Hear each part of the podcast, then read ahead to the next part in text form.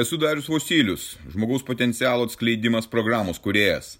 Tai mano gyvenimo kelionės patirtis, kuri gali padėti tau atsikratyti ribojančių įstikinimų, nelaimingumo, priklausomybių ir pradėti gyventi aukščiausios kokybės gyvenimą.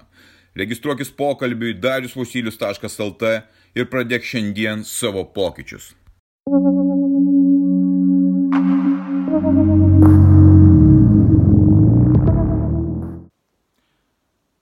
Prieš porą dienų pasibaigė pasiekmes, tam tikros pasiekmes, kurios prasidėjo prieš 13 metų, gerų 13 metų. Tai baigėsi mano bankroto procedūra, asmens bankroto procedūra. Labai įdomus įvykis, kuris iš esmės pakeitė mano gyvenimą. Ir įsigalėjo teismo nutartis prieš dvi dienas, kad mano procedūra bankroto baigėsi ir aš galiu atgauti laisvę. Aišku, čia perkeltinė prasme. Bet iš esmės daug tiesos tame yra. Kaipgi viskas tas prasidėjo? Kaip buvo eita per tą procedūrą, per tos įvykius, nes daug kam tai aktualu, daug kas kenčia nuo vienokios ir kitokios formos finansinių sudėtingumų, sprendimų, ir papasakosiu, kaip tai atsitiko man ir tai galėsi pritaikyti ir savo. 2006 metai nusprendžiau pradėti savo verslą. Nes visą laiką siekiau būti laisvas ir nepriklausomas, iki tol dirbau samdomus darbus, jie buvo gerai apmokami darbai, gal ne patys įdomiausi, bet iš esmės galėjau gyventi, klestėti ir ten ir likti iki šiol. Bet galvoje buvo ta žodis laisvė. Nebijok, pradėk, daryk kažką tai. Ir tuo metu mano buvo pasirinkimas statybų sektorius. Taip, visiems visko reikia, bet aš ten nieko nesupratau. Aš aišku tapau iš karto įmonės savininku, direktorium, vadovu. Ir mano patirties vadovavimo buvo iki tol, nes aš pardavimų vadovas buvau iki tol, klientų aptarnavimo skyrių vadovavau ir iš esmės patirtis buvo, bet tik tai tiek, kiek bendrauti su žmonėmis. Šešti metai, 2006 metai, septinti metai, metai tokio sunkumo, kuris vedė mane toliau, o antri metai jau ir klientų ratas atsirado, žmonių, su kuriais dirbau, architektų statybininkų, kuriuos samdydavau, ir prasidėjo užsakymai, kurie pradėjo nešti pelną.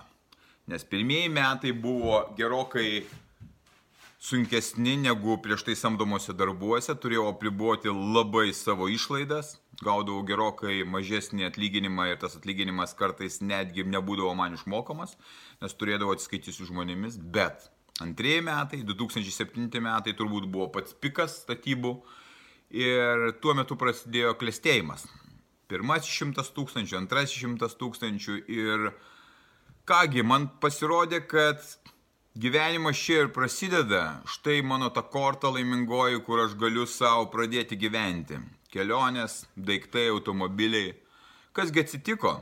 Žemės pirkimai, kasgi man atsitiko? Ogi nebuvau pasiruošęs pinigams ir staiga tie pinigai atsirado. Ir ką vis dėlto man jie sukėlė kaip ir daugelį žmonių, kaip ir tau greičiausiai, kai aš buvau nepasiruošęs, jie man sukėlė godumą. Tai nebuvo tas godumas, kad aš tos pinigus kažkur tai pasislėpęs būčiau. Tas godumas buvo turėti dar daugiau, dar didesni projektai, dar, dar, dar, dar. Ir nusprendžiau, kad reikia pradėti plėtrą, statyti namus, ne tik įrenginėti juos. Susiradau žmogų, partnerį, kuris dirbo tame sektoriuje. Sakau, pradedam kartu dirbti. Daug užsidirbsime, perkam žemės, statom namus, gyvenvietės. Ir pasirodo, kad ir partneris buvo etatinis aferistas, patologinis netgi aferistas. Ir tuo metu man tose energijose būnant nebuvo labai aišku, kas su juo vyksta. Bet šalimais vyko ir ekonominė situacija, kurios mes irgi nepastebėjom ir aš nepastebėjau. Ir pradėjo viskas griūti. neatsiskaitimų grandinė. Mes pastatėme gamyklos, dalį įrengėme, mums neatsiskaitė krūvos pinigų, mes automatiškai kitiems ir pradėjo visas sektorius birėti. Ir kas toliaugi pradėjo vykti? Ogi pradėjo baime paralyžiuoti, mane paralyžiuoti baime. Todėl, kad prasidėjo ieškiniai, prasidėjo bylos, prasidėjo antstoliai, verslo stojimas ir prasidėjo etapas pats juodžiausias tuo metu. Bet tas etapas man tuo metu buvo mano išlaisvėjimo etapas. Aš galiu dabar suprasti, tik dabar tai, nes tuo metu man atrodė viskas, gyvenimo nėra, viskas griūna. Ir iš tikro turėjau priimti sprendimą stabdyti verslą tokioje būsenoje, koks jis yra, atsiskaityti su klientais, kuriais galiu atsiskaityti Ir aš tą padariau. Bet liko daug skolų ir reikėjo pradėti bankroto procedūrą įmonės. Ir prasidėjo įmonės bankroto procedūra, kuri tęsiasi ten kelis metus, bet jinai susitvarkė. Kodėl atsitiko taip, kad liko kabėti skolos man? Iš tikrųjų, viena skola liko kabėti, esminė skola, tai yra skola bankui. Kai atrodė, kad pinigų buvo, bus ir ta iliuzija tokia, tiesiog klėstėjo ir augo pas visus, pas tave, pas mane, kas tuo metu dalyvavo versluose. Aš net negalvodamas pasirašiau laidavimą. O laidavimą už ką? Už absurdiškiausią dalyką, koks gali būti automobilį. Pirkau naują automobilį, kuris tuo metu kainavo 120 tūkstančių litų Nissan Navara, jis man atrodė, kad tai yra kažkas tai įspūdingo, nes aš tokių automobilių prabangių neturėjau tuo metu, dabar tai nėra gal prabangu. Ir kadangi įmonė negalėjo sumokėti skolų, turėjau atiduoti tą skolą, tai yra turėjau gražinti automobilį ir gražinti skolą įsipareigojimą bankui. Bankas priskaičiavo palūkanas, nutraukimo sutarties ir staiga tapau banko įkaitu tai yra savo godumo įkaitų. Bankai turi savo sistemas ir aš jų kaltinti negaliu, jie tokie yra, jie taip elgesi. Ir mano klaida buvo nežinojimas, o nežinojimas nuo atsakomybės net leidžia. Dabar žinau.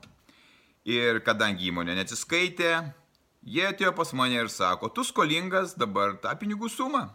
Tuos keliasdešimt tūkstančių pinigų, kurių jau aš tuo metu negalėjau sumokėti, nes viskas birėjo. Šalimais pradėjo birėti santoka, šalimais pradėjo birėti viskas aplinkui.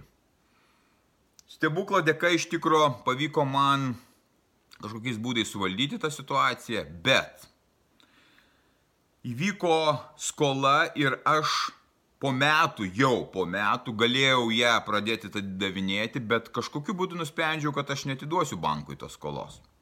Ir pradėjo jinai dvigubėti, jinai pradėjo didėti. Ir aš užstrigau tenais. Aš patapau tas, kuris slapstosi, tas, kuris bijo. Taip ta baime buvo per bankrotą, taip buvo persiekėjimas manęs mintise, ieškojimas manęs ir taip toliau. Ir tada, kai aš atsidūriau su niekuo, iš esmės gatvėje, nes namus palikau savo šeimai, palikau viską ir išėjau su čemodanėliu į gyvenimą, tada prasidėjo mano etapas ėjimo iki užvakar dienos. Aš galėjau turėti tik tai įmonės sąskaitas, ką aš atsidariau po to tas įmonės, nebijau rizikuoti šitoje vietoje. Dešimt metų vyko mano skolos kabėjimas ir aš jį jaučiau kiekvieną dieną. Kiekvieną dieną buvo priminimas, aš negalėjau turėti asmeninių kortelių, nes mano sąskaitos asmeninės buvo areštuotos. Nieko tokio. Sumažino mano poreikius. Bet aš buvau apribotas galvoje. Ir kai atėjo toks metas, prieš tris metus, būtent prieš tris metus, kad nusprendžiau daugiau nebesislapstyti nuo nieko, niekada, prieš tris metus nusprendžiau pradėti procedūrą, kuri leistų man atlaisvinti tai. Kad leistų man tas skolas gražinti, nurašyti tiek, kiek galiu tuo metu gražinti ir tai vadinasi asmens bankroto procedūra.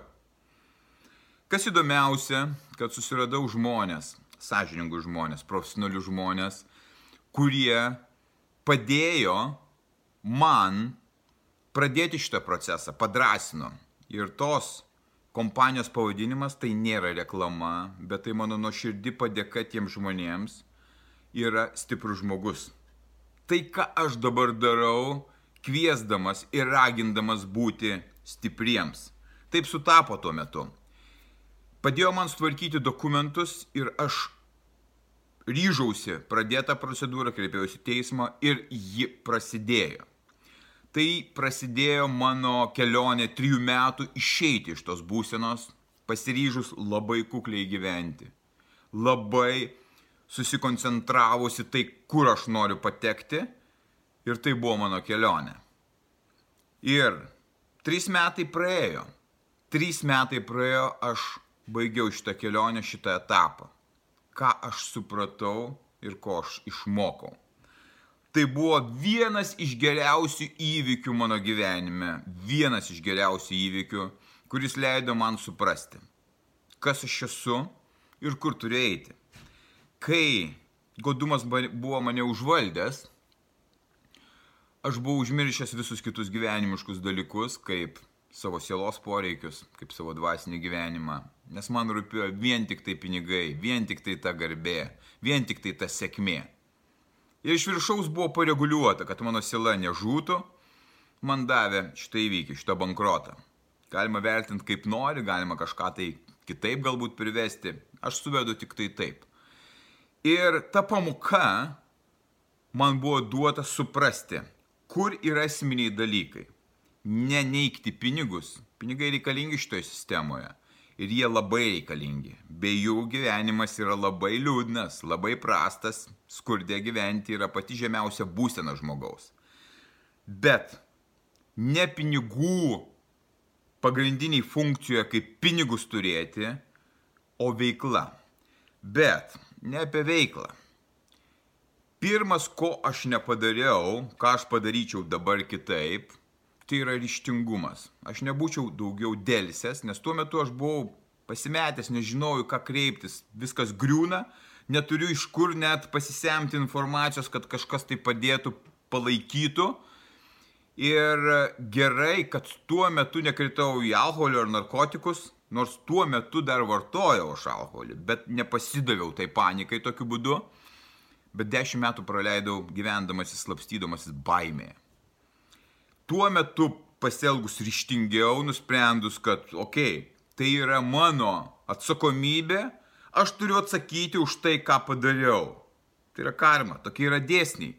Padarėjai kažką, tai atsakyk, nesvarbu, kas ten kur teisinga ar neteisinga. Tu asmeniškai neši šitą atsakomybę. Nepadariau, dėl to atsidėjo taip ilgai mano gyvenimas ir tam tikri turbūt įvykiai, kurie galėjo būti kitokie. Galėčiau tik tai spręsti. Ir kai tu veiki ryštingai ir nebijai, pradedi nebebijoti, pradeda vykti pokyčiai. Tu ėmiesi konkrečių veiksmų, ne emocijomis, kaip čia, kodėl aš taip ir kodėl jie tokie neteisingi, o sakai, o ką aš galiu pakeisti šitoje situacijoje, ką aš galiu padaryti. Tada keiti mąstymą, suvokimą apie tai, seni įpročiai lūšta, griūna, kas ypatingai svarbu, prarandama senoji asmenybė, išeini naują asmenybę ir eini toje kelionėje. Ir kiekviena diena, kuri buvo šituose trijose metuose, man priminė, ką aš buvau padaręs ir ko neturėčiau daugiau daryti. Godumas čia nebeturi dalyvauti. Čia nebeturi būti godumo, turi būti dosnumas, darbštumas, ryštingumas, draugiškumas ir visiškai kitos savybės ir požiūris į gyvenimą, kad būtų pilnatvė.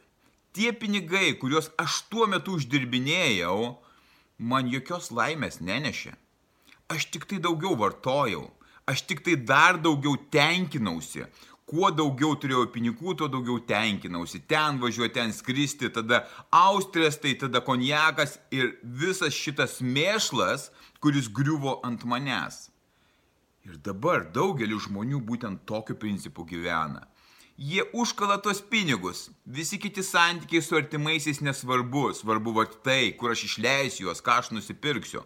Ir gyvenimas griūna. Dabar, kai aš matau kas atsitiko, ką aš praėjau ir ką aš ateityje darysiu, aš mėgaujuosi kiekviena nauja diena, kuri ateina, net ir po šito įvykio.